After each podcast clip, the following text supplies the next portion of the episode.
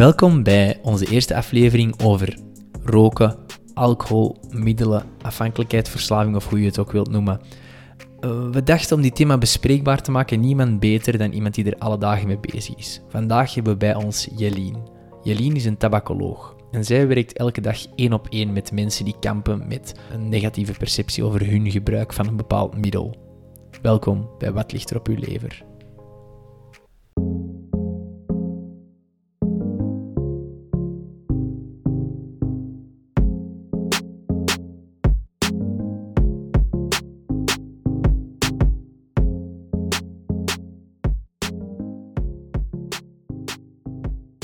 Hallo iedereen, vandaag zijn we terug met een nieuwe aflevering van Wat ligt er op uw lever?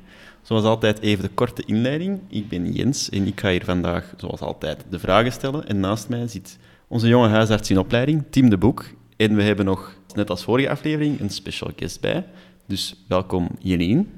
Ah, Jens, je hebt de naam van onze gast deze keer onthouden. Dat is toch al goed gedaan, hè? Dat jullie welkom. Dus we hebben het elke uh, maand ondertussen, want we zijn niet goed bezig eigenlijk, over um, medische thema's. En vandaag gaan we het hebben over roken, alcohol en, en afhankelijkheid van die producten. Nu, Jelien, ik zou u eigenlijk willen inleiden met een aantal dilemma's. Zie je dat zitten of niet? Ja, laat maar even komen. Goed. Zou jij een studioke in de stad willen of een klein chaletje op het platteland? Platteland, de rust. Als je op verlof gaat, een avontuurlijke hike of eerder vijf sterren hotel aan het strand? Afwisselend. Als ik mag kiezen, maar ook wel het avontuurlijke. Je, je moet kiezen. Oké, okay, avontuurlijk. Um, dansen of babbelen wanneer dat je uitgaat? Ja, sowieso dansen. goeie keus, goeie keus.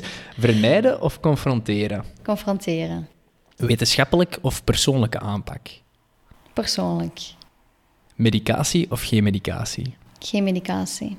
Therapie of geen therapie? Therapie. Liever um, af en toe gebruiken of nooit gebruiken? Mm, af en toe gebruiken. Af en toe? En dat hangt er vanaf welk middel natuurlijk. Um, roken of alcohol? Alcohol. Oké, okay. Goed, dat, is, dat was het dan. Dus welkom Jelien. Wij gaan het vandaag hebben over dus roken, um, alcohol en afhankelijkheid. En we dachten niemand beter als, als jij, want je bent een tabacoloog. Kun jij eens uitleggen aan de luisteraars wat dat, dat juist inhoudt? Hoe word je tabacoloog? Um, je moet sowieso een vooropleiding hebben, van ofwel verpleegkundige of arts, um, ook diëtisten bijvoorbeeld, of psychologen kunnen die opleiding volgen. Um, en dat is aan de VRGT in Brussel. En wat doen wij? Ja, de mensen helpen om van het roken vanaf te geraken, maar ook gewoon al informatie geven. Dus niet iedereen dat bij ons komt, komt om te stoppen met roken, maar komen ook gewoon om eens te luisteren van wat kunnen we eventueel toch doen of er in de toekomst. Mm. En waarom heb jij gekozen voor het beroep tabacoloog? Dat is eigenlijk gekomen... Ik heb eerst verpleegkunde gestudeerd. En ik wou eigenlijk zo richting psychiatrie gaan, richting verslaving, omdat mij dat toch ja, triggerde ergens om er meer over te weten te komen. En dan ben ik in de huisartsenpraktijk gaan werken. En dan zag ik, ah, verslaving komt toch veel voor. Verslavingszorg gedaan. Maar iets van tabak of zo zat er totaal niet in verwerkt. En toen zag ik ineens de opleiding tabacologie en ik dacht, oké, leuk om na verslavingszorg toch nog bij te doen. Plus, er zijn gewoon geen tabacologen bekend in de buurt. Of waar je nog bij terecht kunt, zal ik zeggen. En is er iets specifiek in die, in die populatie of in, die, of in werken met die mensen dat u aansprak of zo? Of was het puur uit wetenschappelijk interesse in het begin? Ha, er is gewoon superveel vraag naar, denk ik. Maar het wordt gewoon niet bespreekbaar gemaakt, omdat er niet de juiste zorgverleners voor zijn, denk ik. Want toen ik tegen mijn omgeving zei, ik kan tabacologie studeren, ik denk dat de helft niet wist dat dat bestond zelfs, een tabacoloog. Ik wist dat ook niet. Ja, nee, kijk. Ik kende dat niet. Maar ik had wel eens een vraag, waar kun je dan gaan werken als tabacoloog? Is dat in ziekenhuizen? Of? Ja, je kunt in ziekenhuizen gaan werken. Ik werk in een huisartsenpraktijk, ook als tabacoloog. Um, en in bijberoep uh, ook. Maar je kunt ook in de ziekenhuizen hm. gaan werken. Ik vind het wel nu interessant dat je dat zegt. Want ja, voor mij, een tabacoloog, dat is nu wel iets heel gekend. Maar dat inderdaad zoveel mensen daar niet van gehoord hebben, dat verbaast mij wel. Aangezien toch inderdaad zo'n frequent, tussen aanhalingstekens, ja, probleem is. Je hebt dat in alle vormen en maten natuurlijk. Hè. Maar die bespreekbaarheid inderdaad, in onze cultuur is dat toch niet zo niet evident, heb ik de indruk. Wel zo die een tabakstop, hè. Er wordt heel veel reclame gemaakt over tabakstop. Maar oké, je kunt ook wel gaan zoeken naar erkende tabacologen in de buurt. Maar dat komt stilletjes aan pas naar boven, heb ik de indruk. Alcohol is wel een minder draagvlak voor, denk ik. Hè? Ja. Allee, dat voel ik toch onder de mannen. Als, als je zo eens een avond niet wilt hard gaan. Waarom drinkt jij niet? De Dat classics, is wel, eh. ja. Nee, oké, kijk goed. Ehm, misschien voordat we dan echt op de praktische tips en, en hoe jij werkt en zo ingaan, moeten we misschien eerst even heel theoretisch doen, een beetje het effect van alcohol en, en roken op onze hersenen bekijken. Ik zou zeggen, als je dat niet interessant vindt, skip 5 à 10 minuutjes en dan kom je terug bij ons voor meer praktische tips voor wat, wat kan je doen om dat gedrag te veranderen. Stel je voor van je, je vindt van jezelf dat je te veel rookt of te veel alcohol drinkt of je vindt bij je omgeving dat iemand dat doet, van hoe, hoe ga je daarmee aan de slag? Of, of willen jullie het anders aanpakken? Nee, team. Ik ga volgen. Ik zou willen beginnen met alcohol. Alcohol wordt opgenomen via de maag en onze darm. Nu, eens dat dat in ons bloed zit, gaat het eigenlijk letterlijk overal naartoe. Omdat alcohol is een stof die zich goed in water en vet kan oplossen. Dus niks in ons lichaam kan dat tegenhouden. Dat gaat naar onze lever, dat gaat naar onze nieren, dat gaat ook naar onze hersenen. En die effecten in onze hersenen, dat zijn degenen dat we voelen als we zat worden. Dus die alcohol die maakt eigenlijk geen onderscheid en die geraakt ook in al, op alle plekken in je hersenen. En daarmee dat we daar zoveel verschillende effecten van voelen. In al die regio's zorgt alcohol eigenlijk voor een verhoging van GABA en een verlaging van glutamaat. Dat zijn gewoon communicatiestofjes voor tussen twee zenuwstellen. En, en de GABA die verhoogd wordt, die onderdrukt de communicatie tussen zenuwstellen. En glutamaat, die swingt die dan weer aan. Dus het globale effect is dat de zenuwcellen minder met elkaar gaan praten. En dat zorgt voor minder complexe hersenfuncties, minder communicatie en alle effecten van dien. Door het effect van voor in onze hersenen krijgen we minder controle van ons gedrag. En gaan we allemaal beslissingen maken waar we normaal twee keer over zouden nadenken. Dat kan goed zijn, want we worden socialer, we durven veel meer. Maar dat kan dus ook negatief zijn, in de zin van als we de, de drang voelen om iemand bijvoorbeeld een klap te verkopen, zal die drang ook veel minder onderdrukt worden. Maar in andere regio's van onze hersenen krijgen we die effecten, krijgen we stoornissen van het geheugen, het bewustzijn. En extreme toestanden kan het zelfs zijn dat je belangrijke functies, eh, het evenwicht en de ademhaling onderdrukt worden. En dat is eigenlijk het gevaar. Nu, desondanks geeft alcohol wel een hele hoop effecten die fijn zijn voor ons. Als, als je een piekeraar bent, of als je doorheen een dag je heel geremd voelt omdat je heel onzeker bent, vallen sommige van die drempels weg. En soms doen mensen dan ook dingen die dat ze anders niet zouden doen, of, of, of vinden mensen een soort van rust die ze anders niet zouden vinden. Ik weet niet of dat jullie dat al eens ervaren hebben, dat gevoel. Ik heb nog nooit gedronken, Tim. Ja, nee, iedereen kent dat. Ja. Als je het gedronken hebt, dan zijn dat wel losser. Hè. Men kan het wel plezanter zijn. Ik denk dat dat... Ja, dat, kan, dat is leuk, hè. Dat kan tof zijn. Ah, ik snap ook wel daarmee, ik denk dat dat zo'n een valstrik is, en daar komt jij denk ik ook wel van mee in contact, denk ik, hè, Jelien, dat heel veel mensen die grijpen dan ook naar dat middel om even zo rust te vinden. Dat klopt. Dat zijn net de mensen die er gevoeliger voor zijn. Hè? Die dat met die negatieve situaties minder goed overweg kunnen. Die zijn gevoeliger om dan inderdaad iets van alcohol te gebruiken, om dat net te gaan verlichten. Wat ook niet abnormaal is, want als ze niet weten hoe dat ze ermee om moeten gaan, of ze zijn niet, niet stabiel genoeg op die moment bijvoorbeeld, ja, dan is dat enerzijds logisch, anderzijds gewoon ook spijtig dat ze dan een vluchtmiddel gaan gebruiken, want het is ook maar tijdelijk. Hè? Ja, we gaan het er zo beter ook over hebben, denk ik, in ons biopsychosociaal model. Ja. Hè? Eh, blijven luisteren. maar inderdaad, iedereen die een probleem heeft met alcohol of zo, daar wordt niet voor gekozen. Hè? Dat is iets waar je bij komt door veel omstandigheden te samen. Nu, nog kort even, en dan heb ik genoeg monoloog gevoerd, gaan we het hebben over roken. Roken werkt op een net iets andere manier in de hersenen, via acetylcholine voornamelijk. Maar zowel als alcohol stimuleert het ook een andere neurotransmitter, dopamine.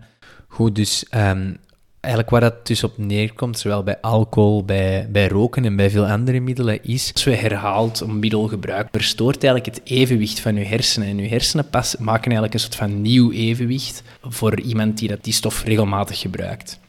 En dat maakt dat je die stof eigenlijk nodig hebt om dat evenwicht te bewaren. Dat is puur door echt biologische veranderingen ook in de hersenen. Hè. Eh, receptoren die anders gaan werken, zenuwstofjes, communicatiestofjes die in andere concentraties voorkomen enzovoort. Wat ervoor zorgt dat op het moment dat je een middel wegneemt bij iemand dat daar heel hard gewoon aan is, dat dat evenwicht soms heel gevaarlijk of heel heftig verstoord kan zijn. Dat is iets dat je ook wel mee in contact komt, denk klopt. ik. Hè? Maar dat is voor subiet. Dat is voor subiet, ja. Ik loop al voor op de zaken. Maar dat is dus ook een beetje voor wat inzicht te krijgen in hoe dat ontwenningen en zo werkt. Nu, dat gezegd zijnde, eigenlijk weten we van verslaving de laatste tijd meer en meer dat het veel complexer is dan enkel dopamine. Want vroeger dachten we soms, en ik heb dat ook eh, mij herinnerd, dat ik dat vooral zo op school heb gekregen, dat die dopamine die prominente rol speelt. Ja. Maar het blijkt meer en meer dat het een enorm complex samenspel is van een hele hoop van die communicatiestofjes of neurotransmitters. En dan in, in samenspraak inderdaad met onze eigen vatbaarheid, sociale contacten en dat biopsychosociaal model. Oké, dus we weten nu hoe dat die alcohol op onze hersenen inwerkt, wat dat, dat met ons doet. Maar ik denk dat de meeste mensen ook wel weten dat er schadelijke effecten zijn. Uh, wat zijn dan juist die schadelijke effecten van alcohol? Dat is vooral ook hoe dat alcohol verwerkt wordt. Alcohol komt dus, zoals net gezegd, overal in het lichaam. Hersenen, darm, alleen maag-darmsysteem, overal. En dat wordt eigenlijk afgebroken naar acetaldehyde, whatever, daar gaan we niet dieper op in.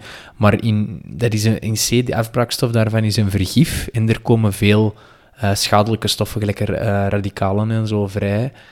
Um, en dat zorgt specifiek voor schade aan uw cellen op al die locaties, met alle effecten van dien, uh, waardoor dat je dus eigenlijk beschadiging van de hersenen krijgt, maar ook beschadiging van de cellen in de maag, de darmen, de pancreas, de lever.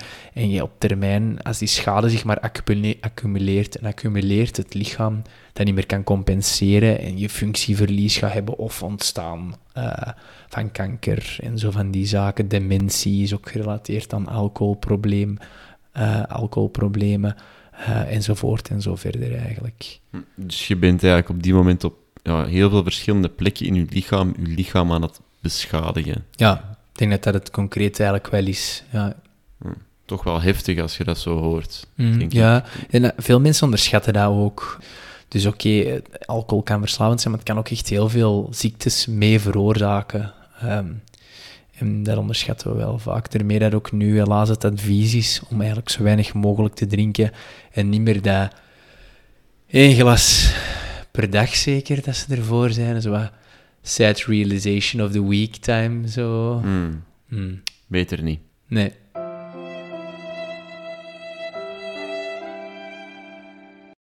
Um, ik weet niet eens, wat denkt jij, was dat wat duidelijk? Ça va. Ik was al direct al een beetje aan het verslavende aan het denken, want ik heb daar zelf ook over opgezocht, over dat dopamine. Allee, ja, niet recent, maar in het verleden. Um, maar ik denk dat dat voor subiet is, hè, dat, een, dat als je ja, te veel dopamine binnenkrijgt, dat je, je receptoren wat verstoord kunnen zijn en dat je, ja, je zegt gewoon aan die grote hoeveelheid en als je dat dan wegneemt, ja, Ja. Voilà, dat is hetgeen waar ik ook al een beetje had opgevangen van, van u juist. Ja, ik denk dat dat inderdaad een beetje... Allee, het is zo gecompliceerd dat je ergens, moet, om het te begrijpen, moet je het wat vereenvoudigen. Ja. En dan denk ik dat dat dopamine inderdaad iets heel concreet is om dat te doen. Hè. Dat je zegt van door een buitengewone stimulus van dopamine of herhaaldelijk hoge niveaus op te zoeken door middelen, alcohol, roken, drugs in alle vormen of maten, passen je hersenen zich eigenlijk aan. Die zeggen van dat is niet normaal dat ik elke keer zo gestimuleerd word, dus die worden minder gevoelig daaraan. En dat zorgt ervoor dat op het moment dat jij drugs neemt, dat jij steeds meer moet nemen. En bijkomstig zorgt dat ervoor, als jij stopt met die drugs te nemen, dat, ehm, dat je normale prikkels van dopamine, je normale beloningen in het leven, eh, of van die andere neurotransmitters, niet meer voldoende stimulatie geven voor u om dat gelukkig gevoel te hebben. Mm, Maar is dat dan ook niet sowieso al, als je ja, nog gebruiker bent, dan gaat je toch ook veel moeilijker kunnen genieten van die ja, dingen waar je anders wel van zou kunnen genieten. Van goed eten of zo, omdat je, ja, je receptoren zo wat opgefokt zijn, om het zo te zeggen. Ja, exact. Want een, een goede maaltijd gaat niet zo'n hoge piek geven als een of ander kunstmatig gemaakte drugs. Hè. Ik denk dat dat ook iets is dat veel mensen van spreken in de praktijk. Van, ik vind geen plezier meer in de kleine Ja. andere dingen, hè, Jeline? Of ik weet niet hoe dat jij dat ervaart. Ja. Ik denk in C dat we nu wel meer dan genoeg hebben verteld over, over hoe dat in de hersenen werkt. Mhm. Ehm, en misschien dat we even moeten overgaan op hoe komt het dan dat sommige mensen afhankelijk worden en anderen niet. Maar dan gaat het eigenlijk over hoe komt het nu inderdaad dat we verslaafd geraken of de ene meer verslavingsgevoelig is dan een andere. Dat heeft eigenlijk te maken met het biopsychosociaal model van een mens. Dus je kunt dat eigenlijk onderverdelen in drie dingen, drie categorieën eigenlijk. Het biologische, het persoonlijke echt en het sociale. Dus het biologische van bijvoorbeeld, je hebt bepaalde genen. En je genen bepalen hoe dat je met een drug bijvoorbeeld omgaat. Zijn er sterke impulsen van buitenaf? Hoe reageert je daarop? Heb je ook deels meegekregen in je genen? Zijn je ouders ehm, verslaven bijvoorbeeld? Dat zit ook deels in de genen. Echt zo'n beetje de hardwiring van onze neuronen en onze hersenen. Ja. Oké, ja. Ja, Dus je, je genen bepalen dan mee hoe snel dat je verslaafd aan iets wordt. Daar komt het eigenlijk ja op neer. klopt. Ja. Je kunt dat vergelijken met diabetes. Dat zit in de familie, maar dat wil niet per se zeggen dat jij het ook krijgt. Dus bijvoorbeeld, je ouders hebben een verslavingsprobleem. Oké, je hebt een verhoogde risico op een verslavingsprobleem te creëren voor jezelf. Maar dat alleen is niet voldoende om het te krijgen uiteindelijk. Dus er spelen nog inderdaad andere factoren een rol. Bijvoorbeeld dat persoonlijke aspect en dat sociale natuurlijk ook. En wa- wat zit er dan juist in dat persoonlijke en dat, en dat sociale? Allee, wat, in wat scheelt dat persoonlijke van het genetische bijvoorbeeld? Maar het persoonlijke, ja, hoe dat je het zelf zei van karakter, hè, zet Gewoon je... hoe dat je met situaties omgaat. Ja, hoe dat je met situaties omgaat, zo simpel is het eigenlijk. Allee, Hoe dat ik het zie, is dat dat ook een aard is als persoon. Als jij onzeker of angstig bent, dat dat ook heel gemakkelijk meespeelt. Ah, Ik kan mij ook... Allee, als ik bijvoorbeeld nu mij vergelijk met mijn vriendin of zo, ik denk dat als wij eenzelfde situatie meemaken, gaat zij veel meer haar rol in die situatie in vraag stellen dan mij. Ik ben dan zo'n simpele man die daar niet over denkt en die daar... zo, alles is duidelijk en rationeel of whatever, terwijl zij Ja. zal eerder... El, zij is onzekerder van aard en zij zal dan meer... Wat heb ik fout gedaan? Of, en, en zij neemt dat veel meer mee ook Ja. in de nacht en de dag erna. Eh, ik kan me inbeelden Ja, dat dat dingen ook wel meespelen, ja. ja. Oké, dus we hebben nu, we hebben nu dat, dat sociale en dat, eh, sorry, we hebben dat persoonlijke en dat genetische. Ja. Hoe speelt dat sociale dan mee? Ehm, dat is puur uw context eigenlijk. Ehm, de maatschappij rondom u. Dat kan zowel beschermend werken als een goede opvoeding hebben, een goede thuissituatie, een goede opleiding, dat alles eigenlijk goed verlopen is. Dat kan beschermend zijn. Maar het kan ook schade geven door bijvoorbeeld uw omgeving dat je gebruikt. Uw ouders dat gebruiken, naast een café wonen, heel veel stress hebben op uw werk. Ehm, natuurlijk, dat maakt dan ook weer het, het persoonlijke aspect dat van belang is. Want ik heb in mijn omgeving, of iedereen denk ik in zijn omgeving, heeft wel iemand dat gebruikt. Ik heb een groep dat ik ken die dat ook heel veel gebruiken. Ik ga daar ook mee op pad, maar ik ben mij ook wel bewust van... Het kan ook verkeerd lopen. En ik denk dat dat een belangrijke is van... Wat, wat wilt je zelf? Wilt je gaan experimenteren? Is dat oké? Maar je moet niet gaan experimenteren om problemen te gaan vergeten. Hm. En dat is dan, dat is dan weer dat, dat persoonlijke Klopt. stuk van wat doe ik om mijn problemen te vergeten? Ja. En Ja. dat, sommige mensen hebben dan, nemen dan iets van ja, middelen van drugs, Ja. alcohol, Dat is net dat, dat dopamine weer. Hè? Ja. Dat, dat zet zich vrij. Je hebt een, een goed gevoel dat je ervaart. En dat verlicht dan op, op, op die Ja. momenten de die moeilijke momenten situatie. ja. We hebben hier nu ook zo'n mooi schema, dus dat Jens heeft opengezet. En wat dat ik merk als ik al die dingen die in, in dat schema, in dat Venn-diagram staan, lees, is dat er zijn heel veel soort van puzzelstukjes waar dat ik ook wel mijzelf in kan herkennen. Ehm, en, ik, en ik zie ook heel veel dingen staan waar ik heel veel chance in heb, in heb gehad. Dus ik, ik beeld me in dat als ik gewoon een beetje meer pech in mijn leven gehad zou hebben, dat het voor mij ook veel gemakkelijker geweest zou zijn om om naar zo'n zo'n middel te grijpen. En voor mij, wat ik hieruit meeneem, is eigenlijk hoe, hoe ja, sommige... Ik heb de indruk in de maatschappij dat we soms het verschil maken tussen dat ze een verslaafde, tussen en dat we dat veel bij hem of bij die persoon leggen als, een- als een soort van zwakte ehm, of een ziekte. Maar ik vind wel dat dit opent weer extra mijn ogen van hoe relatief en hoe klein dat, dat verschil is en hoe dat zoveel afhangt van inderdaad ook het sociale, het psychologische en de kaarten die ons bedeeld zijn. Mhm. Ja, klopt. Nu, ik wou daar nog eens even de vraag bij stellen. We hebben nu die drie stukken, dat uh, persoonlijke, sociale en genetische. Zijn die drie componenten alle drie even prominent in, in het verslaafd worden? Of zijn er dingen die een belangrijkere rol spelen dan andere?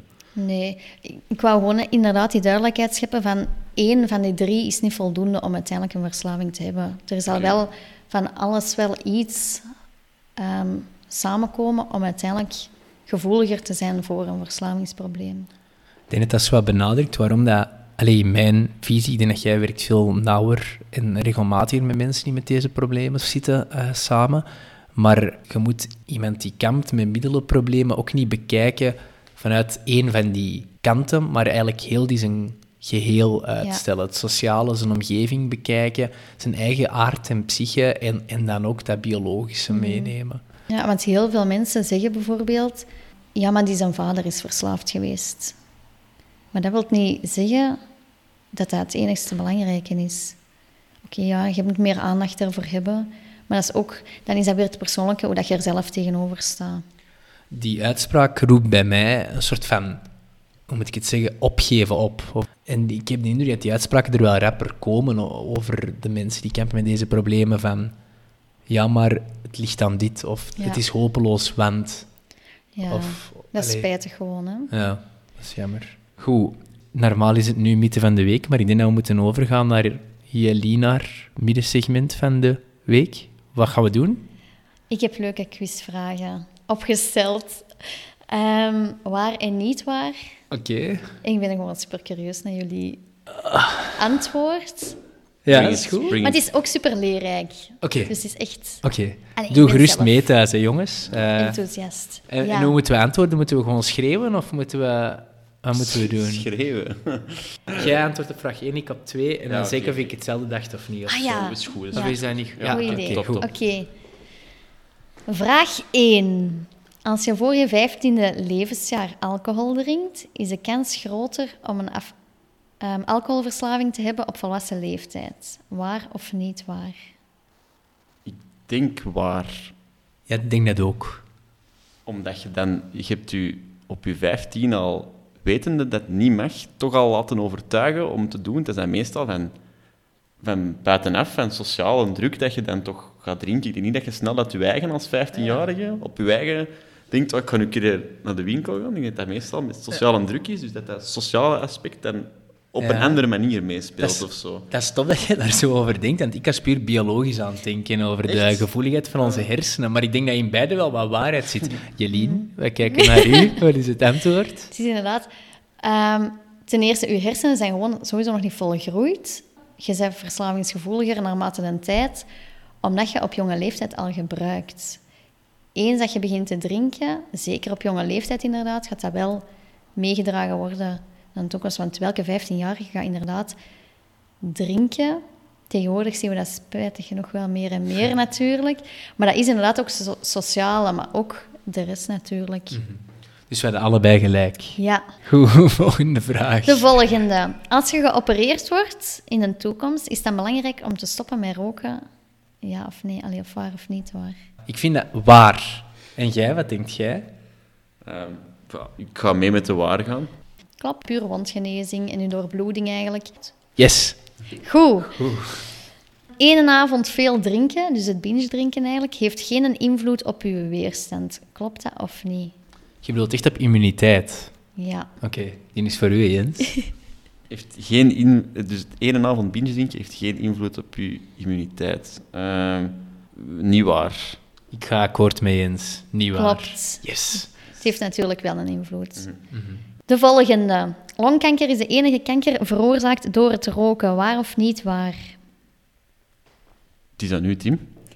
Niet waar. ik, ik, wist het al, het is niet, het is niet waar. Ja, je kunt heel veel verschillende mm. kankers krijgen van roken. Veel mensen staan daar niet bij stil, want die denken enkel aan longkanker. Maar het begint al, je stikt een sigaret in je mond, mondkanker. Mm Keel, keel en, en zo, keel, hè? slokdarm en al die dingen. Hè? Alles. echt alles, buiten schildklier. Mm als ik me niet vergis. Dat is alles waar die teer komt en zo, mhm. en, die warme rook. Niet zo goed. Maar mhm. oké, oké, goed. Kunnen kinderen die af en toe een slokje alcohol proeven van hun ouders later beter tegen alcohol? Waar of niet waar? Die is voor u, hè? Is die voor mij? Dit Is- is, is- voor u. Ah, is dat mij? Ehm, of dat die beter tegen alcohol kunnen? Ja, omdat ze getraind zijn. Nee, dat denk ik niet. Ja, ik denk het ook niet. Nee. Oké, jullie hebben gelijk. Oh, Yes, goed. Dat zal ongetwijfeld... Allee, die ouders die zullen dat niet slecht bedoelen, hè, maar dat komt Die dan... staan er niet bij stil. Die staan er- nee. ja. Maar ik denk dat wij ook gewoon die chance hebben gehad, dat wij dat van onze ouders ook niet hebben meegekregen. Allee, ik, ik heb daar heel veel chance in gehad en ik heb ook heel veel chance gehad in school en, en, en zo en zo. Ik denk dat dat voor ik kan wel begrijpen dat dat voor sommigen inderdaad misschien wat meer uit niks komt. Want ik denk dat de meestal weet dat dat in de zwangerschap echt zegt is, maar zelfs nog, sommige patiënten ook, die verschieten daarvan. Dus ja, ik denk dat we dat niet te veel for granted mogen nemen. Dat we dat... Oké. Ja. Is het voldoende om te stoppen met roken tijdens de zwangerschap? Ah, je begint er net op. Nu is het wel aan u, hè? Maar wacht, Jelien, wat bedoelt je dan? Bedoelt je ehm, dat het- erna beginnen mag terug? Hè? Als je bevallen bent, terug beginnen. Nee, echt over tijdens. Ja, en nadien ook wel natuurlijk. Wacht. Ehm, voor het kind of voor jezelf? Oei, je doet zo wat cryptisch en je lacht zo wat half. je wilt mij in de val lokken. ik denk sowieso voor je gezondheid dat het altijd goed is dat je zo weinig mogelijk rookt. En voor je kind ook. Zeker ook net na de zwangerschap, zeker als je ook borstvoeding et cetera geeft. En ook gerookt in het huis. Het kind rookt de rook mee. Ik zou zeggen, het is, moet ik gaan zeggen, niet waar hè, op uw vraag, Klopt. om dat te zeggen. Ja. Ja, ik ga mee. ja. Ik bedoel, je hebt al een uitleg gegeven. Ik Ja, kan moeilijk sorry, nu ja. Ja. hè. Ja. Ah, wel, en u zegt inderdaad, die dat binnenroken, met een omgeving, die dat meer roken. Maar ook als je buiten gaat roken, dat blijft ook onder je nagels bijvoorbeeld zitten. Dus dat is ook een dat je mee binnenpakt terug. Dus als je dan je kind vastpakt en zo, dan kun je die ook schadelijke stoffen geven. En als door- die sabbelt op je vinger... Ah, wel, ja. voilà. Ja, Hm. oké. Oké. We zijn er bijna, hoor. Ik vind dat we goed bezig Maar we zijn. zijn echt van al de pauze. Ja. Een leuke vraag. Is een standaardglas Genever, allee, in een standaardglas Genever zit evenveel alcohol als in een standaardglas bier? Je bedoelt in een shotje ten opzichte van een, Van een, een, een, volwaardig een glas. Ah ja, het is aan nu, Jens. Dat is toevallig een van die specialiteiten, Genever, denk ik. Of, of Ik denk, ik denk dat dat zo... Ik denk dat dat evenveel is van alcohol, maar dat is gewoon omdat je dat in één keer opdrinkt, dat je daar, zo, dat je daar sneller zat van wordt. Dus ik ga gewoon zeggen, waar, er zit evenveel in, al, ah ja, evenveel alcohol in. Ah, ik weet niet hoeveel procent Genever is. Ik ga gewoon gokken dat dat ongeveer klopt. Ik kan daarmee instemmen. Oké. Want het is inderdaad, Genever is veel sterker natuurlijk Ja. dan gewoon bier. Maar da- daarmee dat die standaardglazen bestaan, omdat die Ah, ja. percentages daarmee van belang zijn. Ah ja, dus je bedoelt dat de grootte varieert. Dus je gaat geen Ja, ja, zo- even zo groot bedoelde- glas van bier volkappen met Genever. Want dat is natuurlijk iets helemaal anders. Het was een beetje de vibe van, wat weegt het zwaarste, een kilo pluim of een kilo stenen? Ja. Ja. Ah, Mhm. hey, we zijn er nog bij, hè? Oké. Eh, en dat was mijn laatste, mijn laatste vraag. Zelfs na meerdere mislukte pogingen, kun je erin slagen om te stoppen met roken of bijvoorbeeld alcohol, waar of niet waar? Aan mij? Ja, waar, hè? daar hebben we het al Ja. over gehad. Hè? Ja. Ja, voilà. Ja. Voilà. Nee. Leuk. Ja. Was tof, hè? Ja, Goeie quiz. Goeie quiz, Jelien. Merci. Ehm, misschien... Allee, we wouden het vandaag ook vooral over alcohol en roken hebben. Hè? Ja. Dat is een, iets dat we, de meeste van ons, wel eens doen. Ik durf voor mezelf te spreken dat ik wel eens alcohol drink. Nu, hoe herkennen we voor onszelf dat ons gebruik misschien toch een impact heeft op ons, zonder dat we dat doorhebben of dat we echt te veel aan het gebruiken zijn? Ah, wel, het is inderdaad zoals dat je zegt, iedereen gebruikt wel eens bijvoorbeeld alcohol bij het uitgaan. Of sommige mensen zeggen van inderdaad, ik ga eens een sigaret opsteken. Als ik alleen uitga, die dat, dat sporadisch dan gebruiken.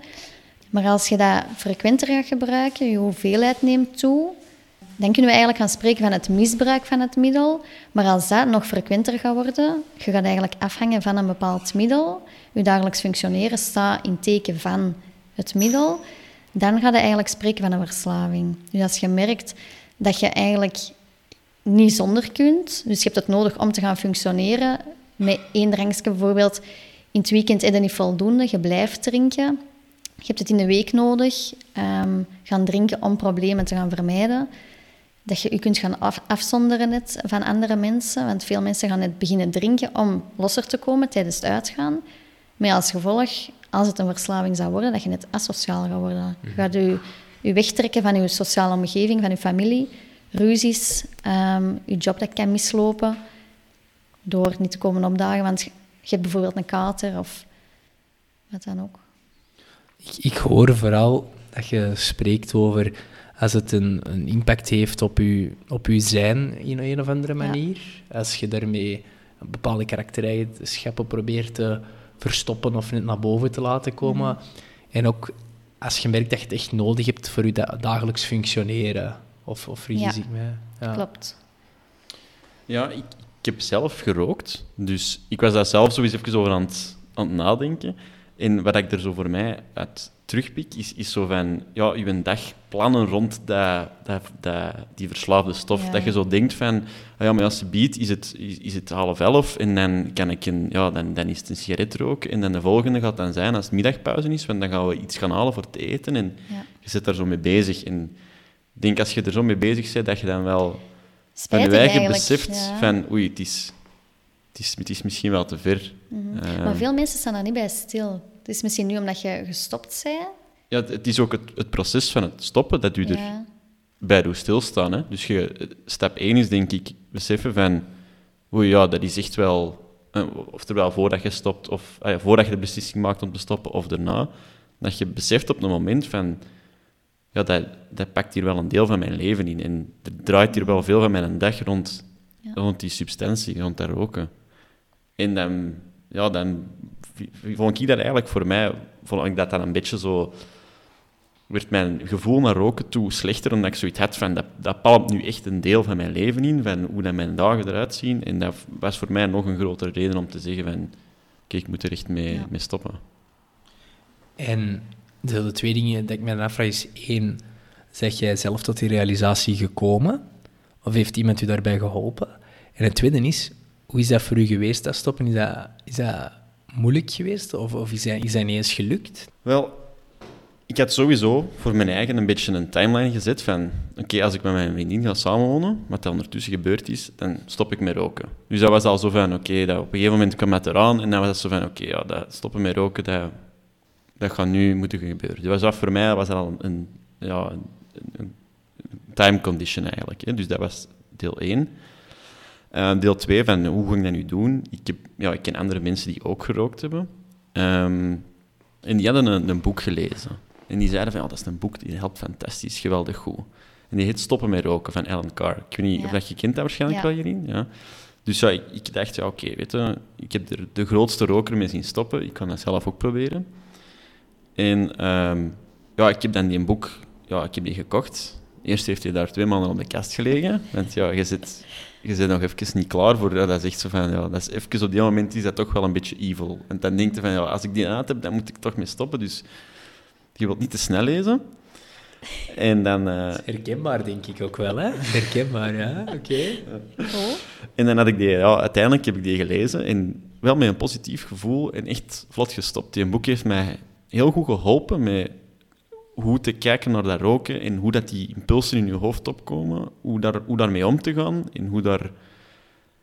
Ook, je, je hebt bepaalde ja, percepties bij roken van oh, dat, is, dat is lekker en dat zit goed in mijn hand en die en dat. En die een boek helpt u heel goed om al die mythes eigenlijk te debunken. En je beseft eigenlijk van, roken brengt mij helemaal niks. Er is helemaal niks voordeligs of goed aan roken.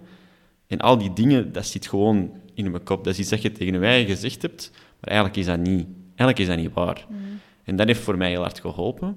Um, dus ik ben eigenlijk vlot goed gestopt met roken. Ik denk nu al meer dan een half jaar.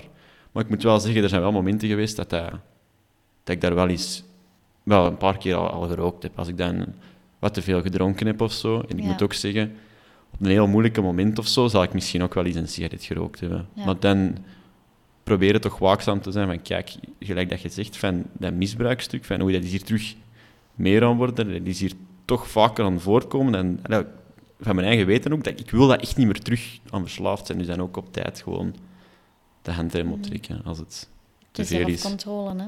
Ja, en dat is niet altijd gemakkelijk, denk ik. Nee. En ook niet voor iedereen weggelegd, denk ik. Ja.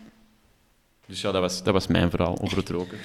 Heel inleefbaar, denk ik. En ik stel mij direct de vraag van...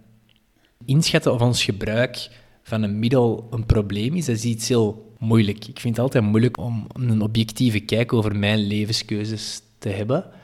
Zijn er echt objectieve dingen of testjes die we zouden kunnen doen om eens te kijken hoe ons gebruik is? Of bestaat dat niet? Jawel. Er bestaan online testen voor zowel alcohol als nicotine. Die van alcohol, dat is ehm een audit-test. Dat is een eh, screeningsvragenlijst met tien vragen. En dat schat eigenlijk in, allee, eerst de hoeveelheid eh, dat je drinkt, de ernst en eventueel schade dat voorkomen is. Kunnen ze erbij halen? Check your drinking. Auditscreen.org. Org. Dit kan heel confronterend zijn. Ik zal hem voor mij oplossen. Goed. Eh, we merken hier dat het, dat, we, dat het een klein beetje lang aan het worden is. Het is dus te gaan- interessant. het, is, te- het is echt te interessant. Dus we gaan eh, de aflevering in twee knippen. Dus we gaan de eerste aflevering zo wat hier beginnen afsluiten. De tips van Julien, daar gaan we wel jullie allemaal voor in spanning houden. En die houden voor aflevering 2. Maar misschien heb je nog wel iets extra voor ons in de aanbieding, Julien, dat je nu al kunt meegeven. Iets leuks. Ja. Het is sowieso nooit te laat om te stoppen met zowel alcohol of roken of een ander middel. Ehm, ik heb een tijdlijn gemaakt van een ex-roker. Ehm, en ik kan een, een aantal leuke dingetjes meegeven. Bijvoorbeeld na 20 minuten dat uw bloeddruk en hartslag eigenlijk gaan dalen stilaan. Dat na twee dagen ehm uw geur en uw smaak ook stilletjes aan beginnen terug te komen.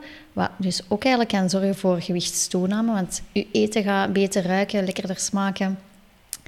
Ehm, dat eigenlijk na een jaar het risico op hartziekte gehalveerd is en na 15 jaar het risico op hart- en vaatziekte gelijk is aan iemand dat niet rookt.